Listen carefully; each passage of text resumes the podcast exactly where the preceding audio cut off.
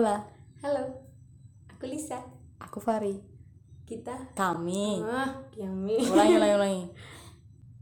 Hola, Halo, aku Lisa. aku Fari. Kami Kembaran biar, kami kembaran biar, kami kembaran biar. Nah, ngono sa. Halo. Hai. Aduh, lama banget ya nggak ketemu. Banget nih. Aduh, udah berapa lama nih? Udah tiga Dua bulan. Ya, tiga bulan ada kali ya. Gara-gara- Dari episode 2 sampai menjelang episode 3 ini. Iya. Ini semua karena Koronski. Aduh, koron coron sek, coron sek. Iya, emang kurang ajar. Tapi dengan Ini- hadirnya kita ini, kita selalu menghadirkan yang baru ya. Ada apa sih inovasi? Yes. Iya, inovasi terbaru dari kita. Terus sebagai anak muda tuh harus punya ide-ide yang ini dong, walaupun ya dikerjakan dengan Apa? Segala macam keterbatasan, tapi tetap semangat walaupun ada corona. Iya, nggak apa-apa. Oh ya, jangan lupa ini kita rekamannya dengan menggunakan apa Eh, protokol Iya, kesehatan. tetap memperhatikan protokol kesehatan yang ada ya guys. Iya, pakai masker. Pakai masker, Jaga jarak. jaga jarak, jaga jarak dari dia juga. Oh. Oh, enggak ya? Kalau bisa itu didekatkan sih. Jomblo terus dong. Aduh. Oke, apa sih yang terbaru di podcast kita ini? Eh, kemarin tuh aku bikin story. Oh, iya, iya, Iya iya. kan? Ha-ha. Itu screenshotan chatku sama Lisa. Iya. Nah, itu seketika aja sih idenya. Mm-mm. Sa apa ya kasih nama apa ya gitu. Akhirnya kita memberi nama dia Barbar. Apa itu? Kepanjangannya apa tuh? Barbar itu adalah Ngobrol bareng kembar ambiar. Wow. Aduh, oke biasa loh. Di pembukaan Barbar ini Kita kedatangan enggak, bukan kedatangan sih. Sebenarnya kita yang ngundang. Itu kan ya guys, udah dengar suaranya? Ketawa-ketawa merdunya. Uh. mungkin sebagian orang muntilan Muntilan, ya. mengetahui sosok ini. Pasti kenal lah. Siapa sih nggak yang nggak kenal ya? Luar biasa sekali. Nah, Kita ini mau bahas apa sih di Barbar yang pertama ini?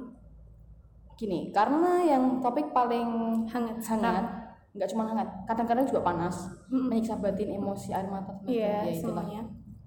Itu Kita tentang tentang masih tentang Koronski sih, karena dia Iya. belum hilang dari muka bumi ini. iya, Jadi kita mau bahas tentang corona, Corona. tapi lebih lebih ini ya, spesifik lebih ya, lebih spesifik bukan kan biasanya tentang sosial yang bahas tuh sosial, politik, ekonomi gitu kan. dari nah, kedokteran ya gitu. gitu. Ini kita pengen tahu sih sebenarnya penasaran aja gimana sih dampaknya corona itu di bidang pelayanan. Kan kalau namanya pelayanan paling enggak kan pasti sebagian besar kegiatannya harus ketemu. Iya, terus dia Harus, membutuhkan iya. banyak, banyak orang, Iya. gitu, interaksi. Intinya pertemuan interaksi gitu kan. Ya s- berbagai pekerjaan juga pasti akan apa sih namanya eh, juga harus ketemu.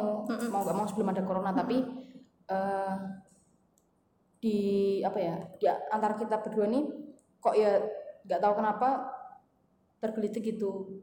Untuk melihat untuk gimana melihat gimana sih sebenarnya eh, corona ini di bidang pelayanan gitu. Apakah dampaknya terdampak? seperti- iya dampaknya seperti apa sampai sejauh mana. Oke, tidak berlama-lama lagi, oke. Kita langsung wow. undang saja bintang tamu spesial kita hari ini. Ci Yani Hai Ci Sehat Ci Puji Tuhan sehat. Puji Tuhan. Jadi siapa sih Ci Yani ini sebenarnya dari tadi kan kita udah ngomongin pelayanan. Kalau boleh memperkenalkan diri dulu mungkin Ci Yani. Oke. Nama saya Yani Triwahyuni Mulyono. Saya di Muntilan ini uh, bekerja dan melayani di pelayanan anak, salah satu pelayanan anak. Nah, saya sudah berkeluarga ya, catat. Yang dua ini Jadi- belum sih Jadi tidak menerima lowongan. Maaf. Yang buka lowongan Yang Kembaran biar Ya, yang buka lowongan biar kalian aja. saya punya satu suami dan satu anak cowok. Hmm, Jadi saya me- meskipun saya sudah berkeluarga, tapi saya tetap satu-satunya bunga di keluarga saya. Wah. Ya mungkin itu perkenalan saya. Oke, jadi Ci Yani ini adalah orang yang salah satu orang yang bekerja di bidang Pelayanan anak di Muntilan. Ya, betul, di Muntilan. Terus eh, pelayanan anak itu dia eh, udah sejak kapan sih Ci mulai melayani di Eh, lembaga ini? Saya masuk di melayani di lembaga ini sejak tahun 2004, lebih tepatnya Februari 2004, dua hari setelah Valentine, 16 Februari 2004. Itu juga dua hari setelah dikasih coklat. Dua hari setelah dikasih cok- coklat dan dua hari setelah laris jualan coklat. Pada saat itu. Kalau ngasih coklat spesial belum ada saat itu. Oh, bukan bukan bukan mantan pacar yang sekarang jadi suami. Belum, pada saat itu belum ada belum. Oh, siap. Lanjut ke topik. Nanti malah bahas Baper. cinta lagi. Panjang nih kalau masalah hati ya. Sejak 2004 ya, Ci. iya betul. Itu aku kelas aku SD sah. SD kelas 1 2 kayaknya. Kamu Kita sama sama ya gimana sih? Nah, eh, sebenarnya tuh pelayanan ini tuh sebenarnya concernnya tuh ke mana sih? Ke or- orang anak saja atau orang tua juga? Hmm. Pelayanan ini tuh sebenarnya concernnya ke pengembangan, Hmm. pengembangan anak secara holistik. Nah, sasarannya anak-anak yang dari keluarga yang kurang mampu secara finansial dan tentunya lokasi rumahnya ada di dalam radius tertentu dari lokasi pelayanan ini. Ya, concernnya mempersiapkan anak untuk bisa hidup mandiri dan bahkan bisa memberikan pengaruh positif bagi masyarakat di sekitar kami. Itu sih lebih Jadi, anak-anak. Karakter juga ya, Ci. Fokus Ya, juga. pembentukan karakter. Bentuk-bentuk pelayanannya gitu. Contoh-contohnya misalnya Eh, bentuk dalam pelayanannya bentuk apa? selama ini ya Pendidikan aja kah atau ada ada di bidang pendidikan akademik? Ada akademik dan non akademik pendidikan terus kemudian juga kesehatan fisik terus kemudian juga kerohanian dan juga sosio-emosional. Pengembangan pengembangan kepribadian karakter dan sebagainya. Bentuknya seperti itu. Nah itu dituangkan dalam program-program dan kegiatan-kegiatan. Hmm. Berarti ya kalau dilihat gini sebenarnya banyak banget ya maksudnya eh, kegiatan walaupun concernnya ke anak aja tapi ba- berbagai apa sih eh, poin-poin yang bisa mempengaruhi anak tuh diperhatikan gitu loh. Iya. ya pendidikan ya karakter ya apa sih eh, sosio emosionalnya Terus terus ini Ci apa kan kadang ngomongin bekerja di bidang di pelayanan gitu kan nggak semua orang mungkin mungkin Kayak semua orang bisa ya gitu. mungkin setiap orang tuh punya niatan buat jadi apa ya nggak nggak semua pekerja saya ngomonginnya eh, tidak menuju ke satu pekerjaan tapi kalau ngomongin pelayanan kan mungkin mau tapi tidak jadi apa ya tidak jadi prioritas, ya, gitu. pilihan pasti utama buat memilih kerja. pekerjaan yang lain dibandingkan ke pelayanan nah apa Ci ini juga awalnya begitu atau memang sudah punya keinginan sejak lama gitu jadi passion sendiri gitu loh Oh, kalau itu sih sebenarnya kalau di awal bukan di awalnya bukan karena passion, tapi saya keluar dari perusahaan, kemudian sebuah perusahaan saya keluar dari sebuah perusahaan, kemudian karena saya suka dengan anak-anak dan saya melihat di tempat ini ternyata sedang membutuhkan tenaga, ya tenaga untuk untuk melayani di sini. Jadinya pada saat itu saya mencoba untuk uh, melamar, ya mencoba untuk melamar. Tapi poinnya adalah karena saya pengen pekerjaan yang saya suka, maksudnya suka dalam arti saya bisa menikmatinya, gitu loh. Pekerjaan yang saya bisa menikmatinya dan saya suka. Karena di tiap pekerjaan sebelumnya itu ya suka suka nggak suka gitu ya. Tapi yang di pekerjaan ini di sini saya suka sama anak-anak, saya pengennya seperti itu. Namun setelah terlibat lebih jauh, akhirnya saya menemukan ikatan ya. Saya nggak tahu namanya mungkin itu entah udah passion atau belum, tapi ikatan dan juga harapan yang lebih dan semakin lama lebih lebih lebih lagi dari pelayanan ini. Terutama punya satu kerinduan untuk eh, di kemudian hari ada perbaikan dan perubahan di mana yang menjadi agen-agen perubahannya itu adalah anak-anak yang saat ini kita layani dibina di sini itu sih. Nah kemu- kemudian itu jadi semacam passion. Ya jadi semacam passion yang kemudian itu yang menggerakkan. Ya. Menggerakkan saya untuk tetap melayani di sini. Ya benar juga sih. Maksudnya kalau ngomongin passion juga sebenarnya kan passion itu kan lahir dari eh, sesuatu yang kita suka dan sesuatu yang sebenarnya kita juga bisa melakukannya gitu. Walaupun pasti juga namanya proses kan juga perlu belajar dan Iya. apa. tapi kan ya itu ya kalau udah namanya passion ya pasti karena punya satu harapan kondisi yang lebih. Mm, karena melihat satu kondisi yang gimana ya melihat satu kondisi yang ini harus harus nggak bisa begini terus Iya, harus berubah iya. gitu loh dan harus berubah dan rasanya saat itu nggak bisa ber- saat itu nggak bisa berubah itu mengganggu sangat mengganggu hidup kita ya. Terus akhirnya memutuskan untuk terjun di sini. ya semakin betul. mantap lah sih semakin mantap walaupun awalnya awalnya ya tidak mantap-mantap sekali. Lainnya mantap-mantap. Nah eh, Kan ini lagi corona Iya, Ci. terus pelayanan ini kan pasti dengan mendengar tadi Cik Yani menyebutkan ada Banyak banyak kegiatan. banyak kegiatannya, entah itu ke- apa akademik, sosial, emosionalnya, ya pasti ada pertemuan. Ya pertemuan gitu kan Ci. Untuk untuk secara langsung tuh berhadap apa berhadapan menemui dan mendengarkan keluh kesah anak juga. Nah sebenarnya adanya corona ini yang udah sejak berapa bulan tuh? Tiga bulan, Tiga bulan ya? yang lebih, tiga dari bulanan ada corona nih. Ada gimana dampak- sih dampaknya langsung ke yang dirasakan sama koordinator, staff, mentor, sama anak-anak tuh seperti apa? yang pasti ya kegiatan tatap muka itu sudah nggak mungkin Hmm. kita lakukan Hmm. lagi.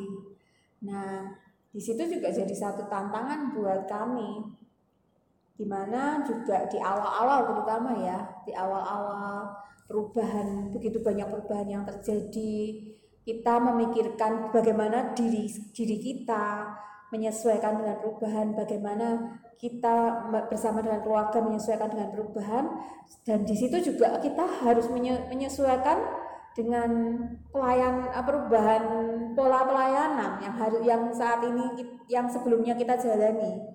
Jadinya saat itu kami berpikir menjadi satu tantangan besar saat tidak ada kegiatan tatap muka. Ya, apalagi eh, staf di sini kebanyakan juga adalah orang-orang yang suka sosialisasi orang-orang yang suka bertemu orang, yang suka uh, punya tipe-tipe sanguin lah, Iya. punya tipe-tipe intim ya. Jadi itu uh, sulit buat kami karena biasanya kami dengan tatap muka itu membuat kami bisa lebih yakin dan bahwa pesan kami tersampaikan dan bahwa kami mengerti orang itu uh, Menerima, menyampaikan ya. uh, menerima ataupun menyampaikan apa yang dia sampaikan kami bisa lebih mengerti gitu kan. Tapi di awal-awal memang bingung, tapi kemudian setelah kita melalui proses, kita melalui memikirkan Penyesuaian, penyesuaian uh, penyesuaian, kemudian memikirkan bentuk-bentuk apa yang yang bisa kita sentuh dalam kehidupan anak-anak, akhirnya akhirnya saat saat itu muncul berbagai ide kreatif, ya muncul berbagai ide kreatif. Ada tugas-tugas mulai dari ngevlog, tugas Mantap. Ah, ya kan? Itu ada satu anak binaan saya yang juga dia sudah eh, usia 19 plus ya mungkin yang juga ikut terlibat dalam beberapa tugas dan ya itu deket lah rumahnya sama PPAS rumahnya sama lokasi pelayanan kami jadi Deket banget kayaknya Ci. ah, ah, meyakinkan banget Kayak gitu. cuma ada lagunya tuh Ci, lima langkah dari sini. apalagi waktu dia nyanyi gitu. Hati saya rasanya menggelepar menggelepar menggelepar gitu. Tahu gitu ya. Kayak tahu gitu siapa ini. Nah. Mohon maaf ya guys kalau ada yang tersindir. mohon maaf. Akhirnya ya kemudian kami men- menemukan ritme atau irama untuk mensiasati ini. Dan bahkan eh, dampaknya nggak cuma ke kami. Kami buat eh, tugas yang direspon sama mereka direspon sama mereka dengan cara mereka bikin video dengan cara mereka merekam suara bikin renungan bikin tulisan. Oh ternyata kami kami merasa kami eh, jadi lebih mengenal mereka. Mungkin selama ini kita tatap muka ngobrol itu ada bagian-bagian yang nggak terekspresikan ya kan? Tapi dengan cara mereka menulis menulis mereka uh, ngevlog kayak gitu itu mungkin kita menemukan ada Sesuatu yang baru. Nah, Yang mungkin kalau la- kita bertatap muka langsung dengan mentor dengan anak, kadang anak tuh malu-malu kan sih. iya heeh.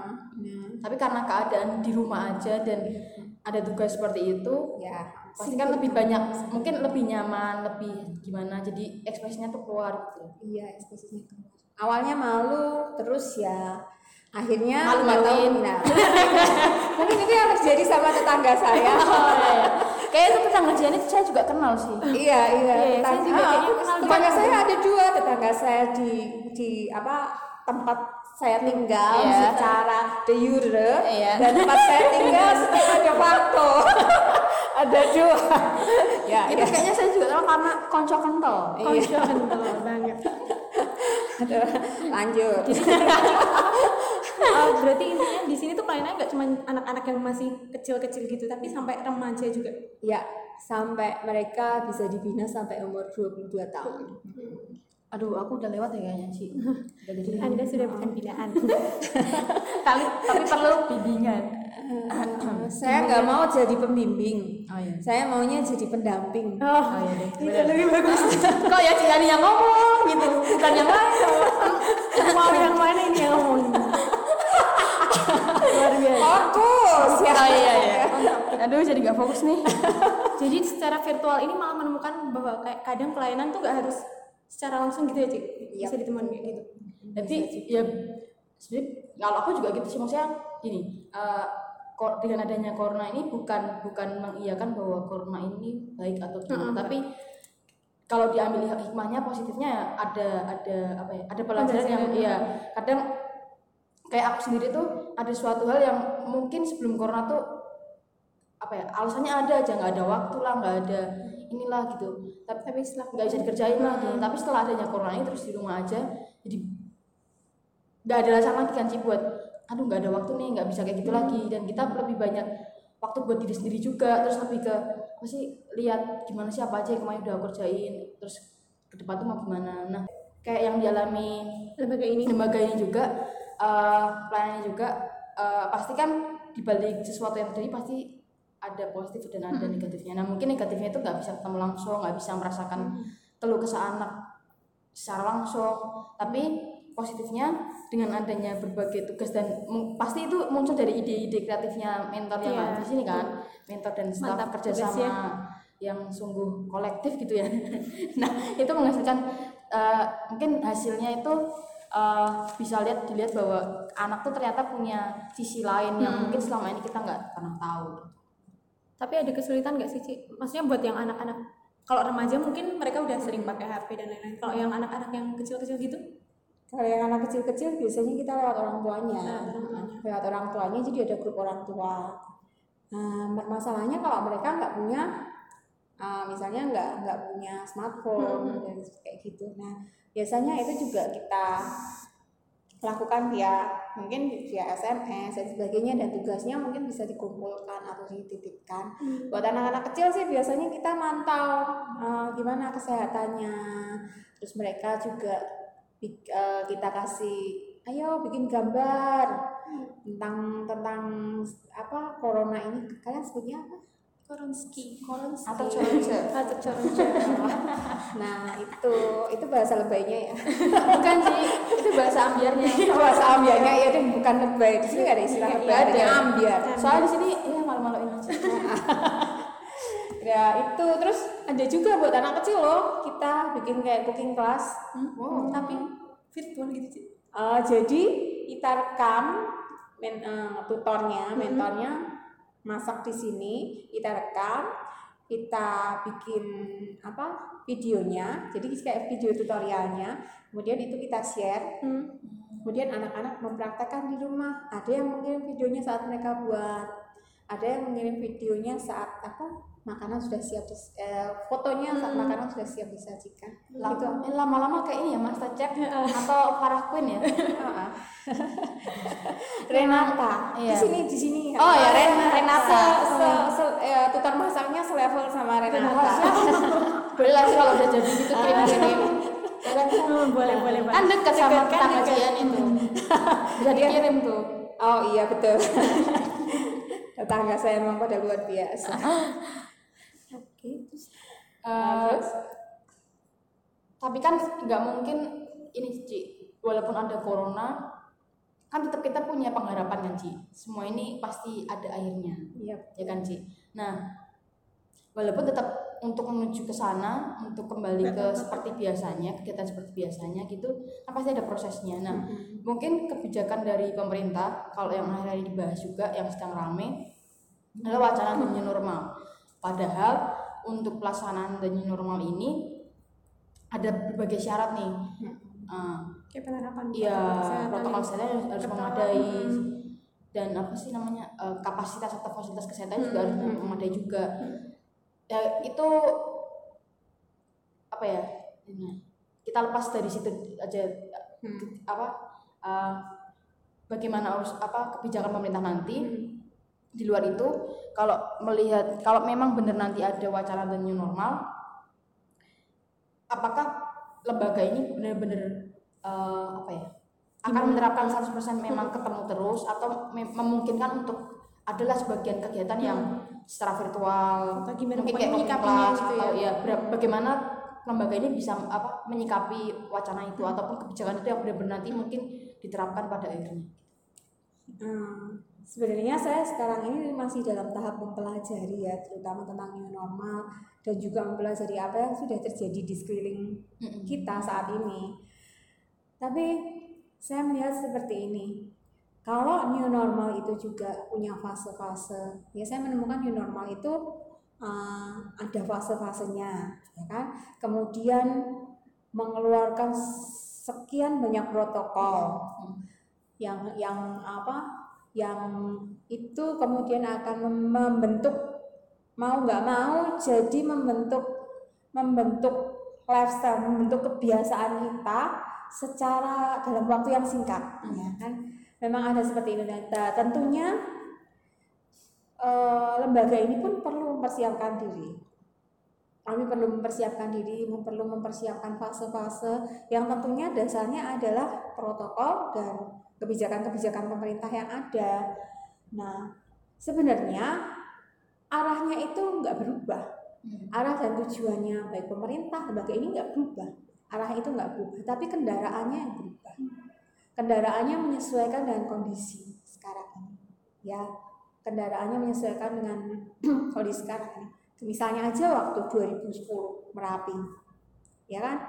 Kalau ngomong soal kendaraan eh, kita keluar ke sekitar Muntilan ini naik sepeda motor biasa yang terjadi pada saat itu apa kepleset-pleset kan Nah, makanya inti- makanya yang bisa buat operasional adalah kenda- kendaraan-kendaraan dengan seperti motor trail. Itu yang akan mungkin lebih efektif digunakan oleh eh, lembaga ataupun eh, bidang-bidang yang membutuhkan pelayanan-pelayanan mo- mobile gitu ya. Nah, seperti itu. Nah, sama juga dengan kondisi saat ini.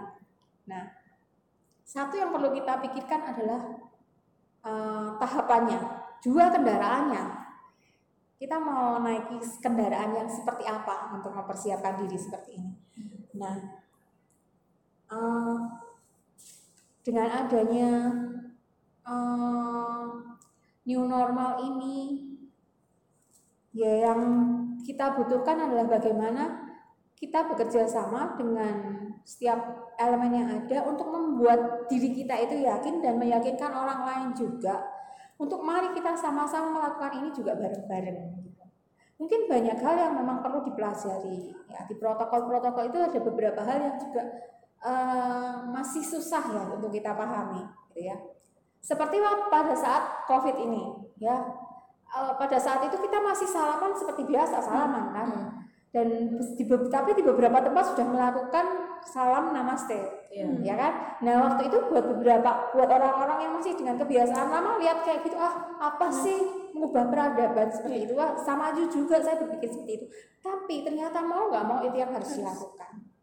Nah itu nah itulah yang eh, yang saya pikirkan adalah bagaimana meyakinkan diri kita sendiri dengan mendapatkan informasi dasar yang jelas.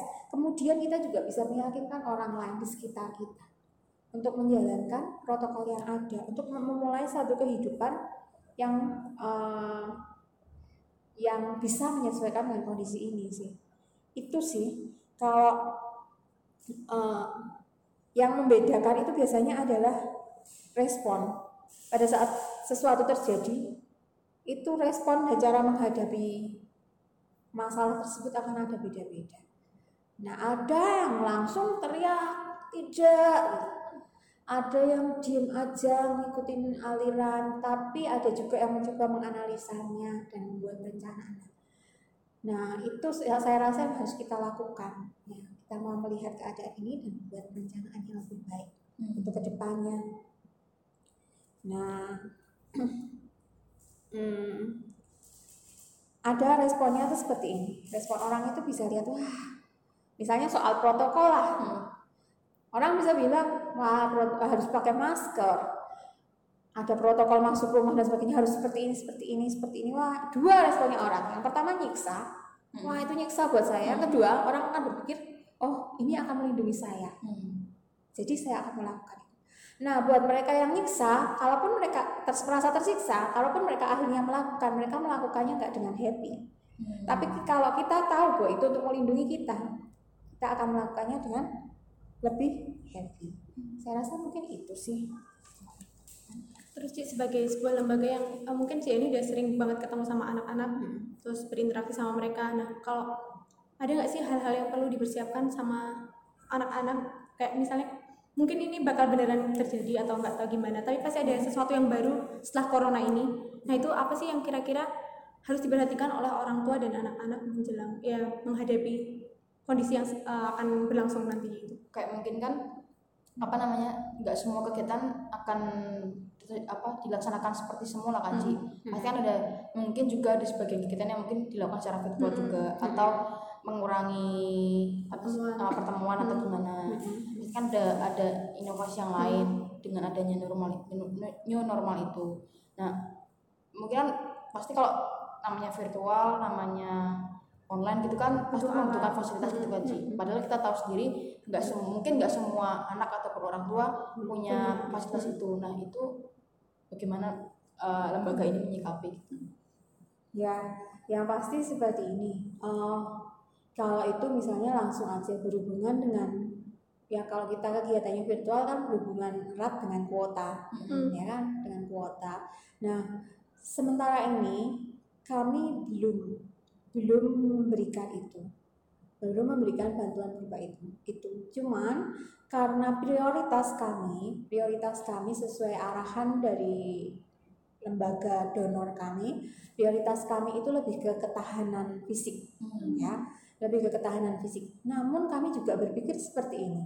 Sebenarnya kalau kita mau ngomong soal prioritas, ya, kita kita ngomong soal prioritas saat saat nah, kita sama-sama mendapatkan dukungan yang berhubungan dengan ketahanan fisik, otomatis ada maksudnya ada pengelolaan maksudnya uh, yang seharusnya kita bisa keluarkan untuk itu bisa kita simpan. Nah, lebih berpikirnya bisa lebih ke, ke situ kan.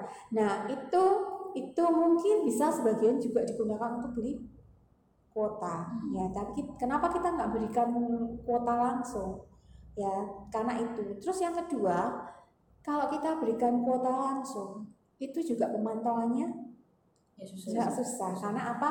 Karena orang itu beda-beda iya. ya.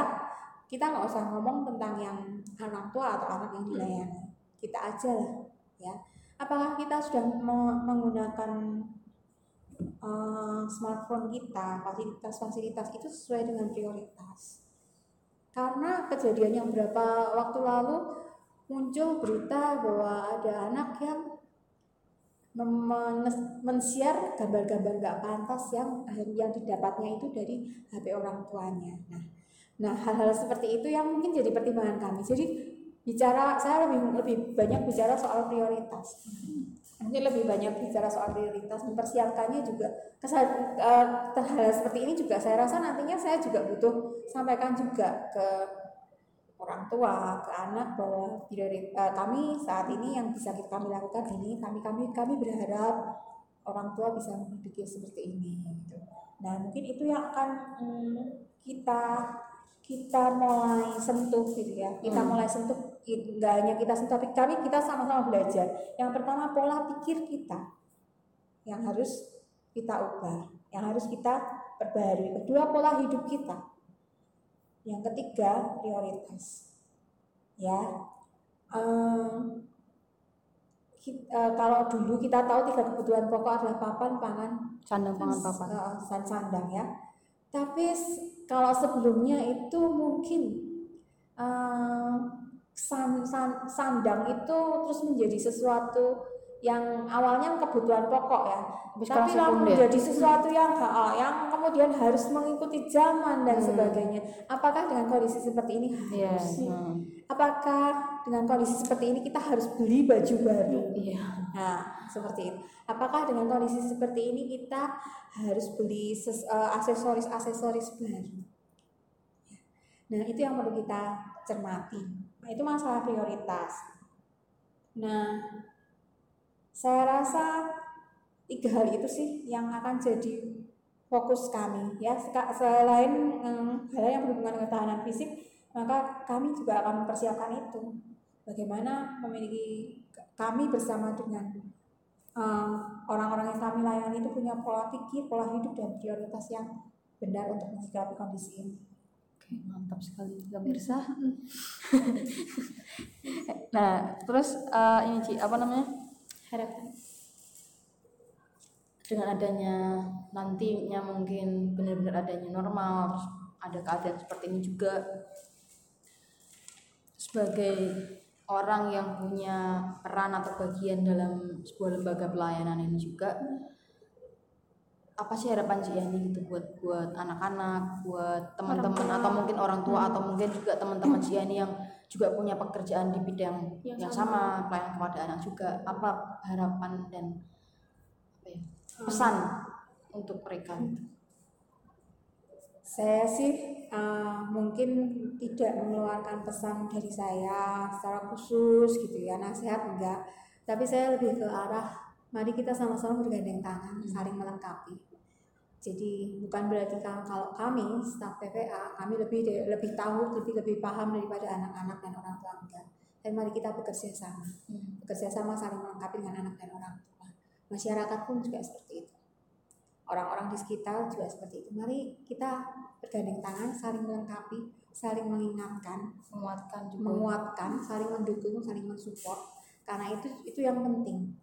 Ya, itu yang terpenting. Karena terlalu banyak orang yang mungkin eh, merasa tahu, merasa tahu, tahu, Tempe. tahu, tahu. tempe?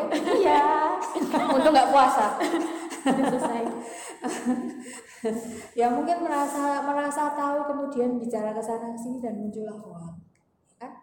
Nah sekarang ini bukan merasa saya lebih tahu atau siapa yang lebih tahu tapi mari sama-sama hmm, kita saling melengkapi lah saling bergandeng tangan untuk bisa sama-sama istilahnya survive menghadapi kondisi yang seperti ini. Itu sih harapan saya tetap semangat.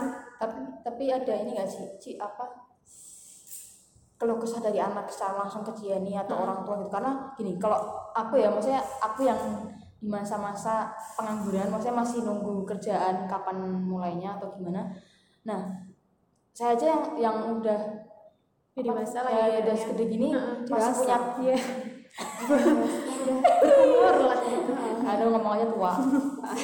Nah itu tuh eh, apa ya? Ya percaya bahwa segala sesuatunya pasti pasti disediakan Tuhan sediakan kan. Maksudnya pasti ada waktunya untuk nanti bekerja untuk ini.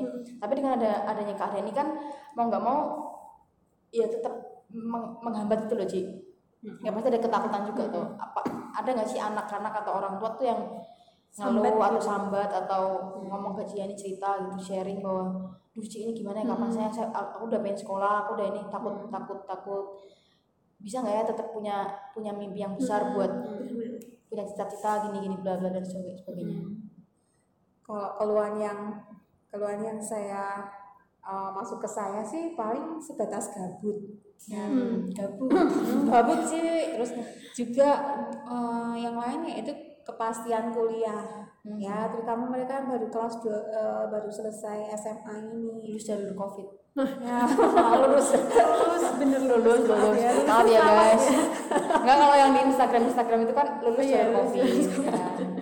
Ah, yang yang sebenarnya yang seperti itu loh yang kelas 12 itu yang juga jadi salah satu bahan pemikiran. Tapi untuk maksudnya ya dilihat untungnya sebelum covid ini pun saya sudah memberikan opsi-opsi opsi-opsi ini. Maksudnya mulai dari yang terbaiknya sampai yang istilahnya Ya. kalau bilang bilang terburuk ya enggak. Maksudnya yang paling nggak enaknya lah Oh. paling nggak enaknya.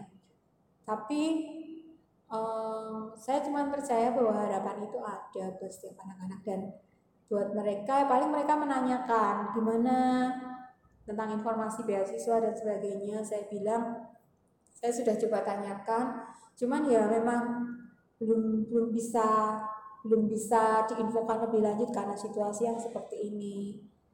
Nah itu sih yang paling paling yang keluhan-keluhan yang saya hadapi sa- eh, di oleh anak-anak.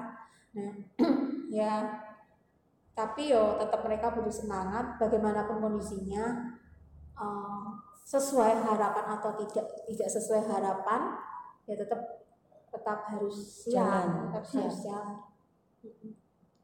karena saya cuma percaya sih pertolongan Tuhan itu selalu ada dan tidak Iya. pernah terlambat. Kayak lagunya Vidya Diano ya. Apa? Lewati senja. Iya gelap akan lewat terang akan datang. Yes. Apa sih yang paling di setelah menjalani tiga bulan ini apa yang paling dirindukan dari Iya. pelayanan ini? Maksudnya kan sekarang nggak pernah ketemu atau yang paling kangenin sih kecuali ketemu saya. Ya. Aduh, kalau itu kayaknya enggak ya. ah kok ada yang Malah nanti bagian-bagian itu di ini ya. nggak bisa sih editornya kan semua ini tergantung editor. Editornya nggak terima itu. Yang jadi harapan saya tentunya pertemuan Yang, uh, pertemuan itu tuh masih tetap menjadi harapan, tapi bukan menjadi sesuatu yang terus bikin baper, aduh kangen, nggak bisa ketemu kayak gitu-gitu ya. Enggak, tapi kalau harapan ya ada gitu ya. Tiba-tiba lihat foto gitu, eh ada si ini gitu ya, ada si A, ada si B gitu. Iya ya pengen ketemu ah, di dan dan saya menemukannya seperti ini. Pada saat sebelum covid ini setiap hari rame. Dan ham- ha- hampir setiap hari ada anak berantem. Itu kadang-kadang bikin kita ada. Kayak kita dulu ya Sat. saya nggak bisa berantem. Ya kan kan uh, gitu kan. Tapi ternyata hari-hari ini hmm, ke keunikan keunikan itu yang nggak jadi kerinduan kami gitu ya. Kangen kangen. Kangen. gitu kangen ya sama sama berantem. sama cowok eh, sama cowok tehnya mereka sama saat mereka datang depan meja saya terus pegang-pegang barang terus nanya-nanya ngomong dan sebagainya. Ya itu yang itu yang jadi kerinduan kami ya. Ya kalau harapan eh, maksudnya kalau ke kebaperannya ya pengen ketemu gitu loh tapi kalau bicara kebaperan dan kehara dan harapan kan beda beda beda beda. Ah, ya beda. kan? ya nah, nanti tolong dicari lebih detailnya lagi. Apa bedanya uh, ba- baper nah, bawa perasaan dengan berharap? Punya pengharapan. Gitu punya pengharapan gitu ya Uh, guys tolong ya guys bantu saya. Eh bantu kami saya tunggu saya kasih waktu buat Farid. Dan Lisa ya seminggu ini saya harus punya jawaban dari kalian. Guys tolonglah guys. Ya. Ya itu sih kalau maksudnya ditanya apa yang menjadi kerinduan dan pengharapan. pengharapan. Eh kok iya? Eh, kan ini ya, kebaperan ya itu. kamu kalau saya bukan kebaperan sih kelaparan. Tiap hari sama, makan. Sama. Kalau- eh tapi ini loh bisa katanya mulai jam 2 nanti sudah bisa open Mbak Yanti. masih libur sih mohon maaf. Oh, masih libur. Iya. Lebaran. Gimana sih itu Mbak Yanti? Libur, Mbak Niken libur? lebaran Ah, oh, ya, oke. ya lebaran bikin lebaran. Enggak. Aku iya cuy aku enggak sih. Ya udah naik berapa kilo nih cuy nggak tahu pipi makin mon. Ah, oke apa ya? Apa ya? Kalau buat pemerintah sendiri ada nggak sih harapan? Walaupun ini lembaga swasta tapi ada nggak harapan Iya. pemerintah kan pasti juga nanti protokol-protokol yang disediakan oleh lembaga ini untuk mengikuti kebijakan pemerintah juga pasti kan lihat juga pemerintah. Nah apa harapan dari secara pribadi maupun juga Lembaga. lembaga ini? Yang pasti satu sosialisasi itu eh, sosialisasi dari pemerintah itu tetap harus digalakkan tidak dengan cara yang kaku tapi dengan cara yang kreatif masyarakat ya. Pastinya dengan kondisi ini banyak hal yang bisa dilakukan dengan lebih kreatif ya. Sosialisasinya. Terus kemudian eh, kita Indonesia kaya dengan ahli-ahli dan pakar-pakar. Namun diingat diingatkan lagi bahwa untuk meyakinkan masyarakat kita butuh pendekatan yang lebih bisa membumi di tengah masyarakat. Nah, contohnya kalian kenal Mbah Minto? Oh iya, ya kan yang suka ya, teh, ya. yang yang suka dia, dia paling suka THR. dia suka. Nah, saya juga.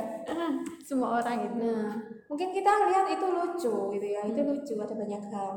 Tapi Pak Ganjar sampai nelpon ya, sampai nelpon Mbah Minto hmm. secara khusus. Nah, artinya apa sih sebenarnya uh, hal sederhana yang ada di masyarakat ini tuh bisa loh dieksplor eh, dieksplor untuk menyuarakan juga apa yang uh, apa yang mau disuarakan oleh pemerintah asal buat kami mengerti hmm. buat kami paham buat kami mengerti ya buat buat masyarakat itu mengerti sehingga bisa itu bisa diterjemahkan sampai ke lapisan bawah hmm. ya sampai ke lapisan bawah itu sih harapan saya hmm, saya nggak tahu banyak tentang politik ya tapi ini harapan dari seorang seorang salah satu bagian masyarakat awam yang yang juga mengenal bahwa ternyata di lapisan bawah itu banyak potensi hmm. dengan dengan apa ya sesuai dengan apa sesuai dengan budaya lokal kearifan lokal yang ada itu bisa dimanfaatkan mungkin kalau bisa ditarik garis itu disimpulkan bahwa maksudnya ini adalah uh, harapannya supaya pemerintah itu ketika melakukan sosialisasi ataupun uh, melakukan kebijakan untuk menyuarakan menyuarakan kebijakan itu ke masyarakat. itu nggak cuma nggak dilakukan oleh pemerintah sendiri gitu loh. Nggak nggak terpusat. iya tapi juga pemerintah pusat harus sadar bahwa pemerintah juga punya rakyat punya masyarakat yang ya yang punya potensi untuk mempengaruhi influence orang-orang. Hmm. walaupun ya gimana ya ya. Kok kamu tahu banget ya saya yang saya maksud kamu kenal banget ya sama saya? Padahal kayak baru ketemu gitu ya. Kamu kenal banget ya sama saya? Terlatih sih terlatih. Terlatih. Apa lagi enggak ya beda. Sorry guys. Macet habis ya pokoknya gitulah kurang lebih intinya. Dan menurut saya juga perlu ketegasan sih. Iya ya kan hmm. tegas itu jadi jangan sama masyarakatnya juga iya. sih sama hati juga harus tegas iya harus tegas sama perasaan iya. kalau iya iya oh, iya, iya, oke, oke. jangan gampang ngambil dong iya. bicara soal hati itu nggak cuma soal rasa ya? tapi juga soal juga ngomong soal banyak hal ngomong soal uh, kepastian ngomong guys ini di luar topik guys. Ganti bukan di pelayanan anak pelayanan cinta.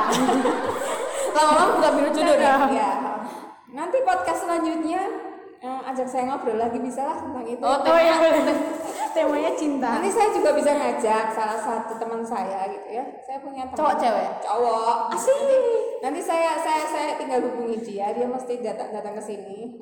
Oh, ya, dia datang ke sini untuk diajak ngomong. Umur berapa Ci? umurnya sekitar uh, satu bulan yang lalu dia masuk eh sama ya dia masuk di usia berapa ya? 21 oh, oh enggak lah Ci 22 Ci kayaknya. Kenapa? Enggak. Kok kamu siapa yang dimaksud tahunnya di hari buruh itu kan iya hari buruh buruh lo yang bukan buruk kita eh hari buruh apa sih waktu bangkitan apa sih? Hari buruh. Iya, hari, hari, itu hari kan? buruh ya, bukan hari buruh. Ya, saya bilangnya hari buruh. Hari buruh pakai H.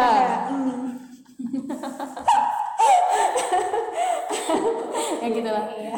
Ya kapan-kapan diajakan sih nggak apa-apa. Iya, pasti saya ajak. Iya. Kita dengarkan opininya. Jadi dia nggak cuma di belakang layar, nggak cuma di belakang layar.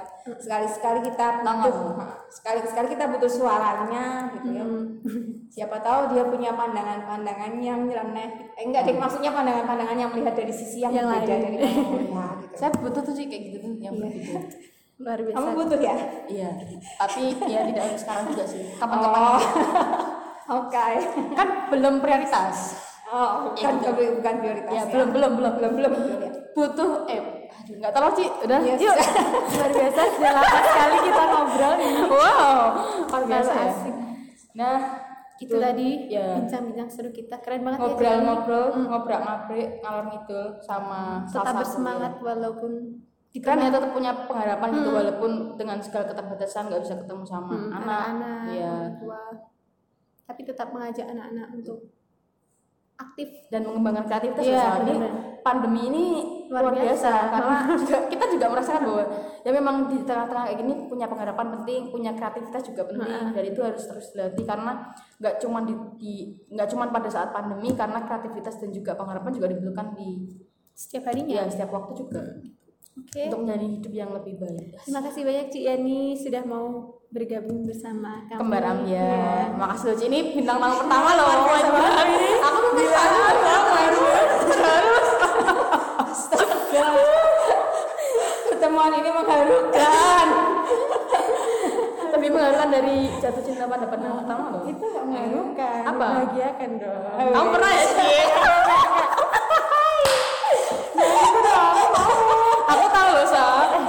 mau disebutin nih Cukup cukup. cukup. Oke, makasih teman-teman udah dengerin sampai sejauh ini dan sampai ketemu lagi di podcast selanjutnya. podcast Kira-kira mau bahas lagi? episode selanjutnya. Kira-kira mau bahas apa? Nanti bisa nih komen-komen di Instagram DM DM kami. Telepon kami juga bisa. Oh ya sama guys. Sama banget oke makasih ya teman-teman. See you bye. Bye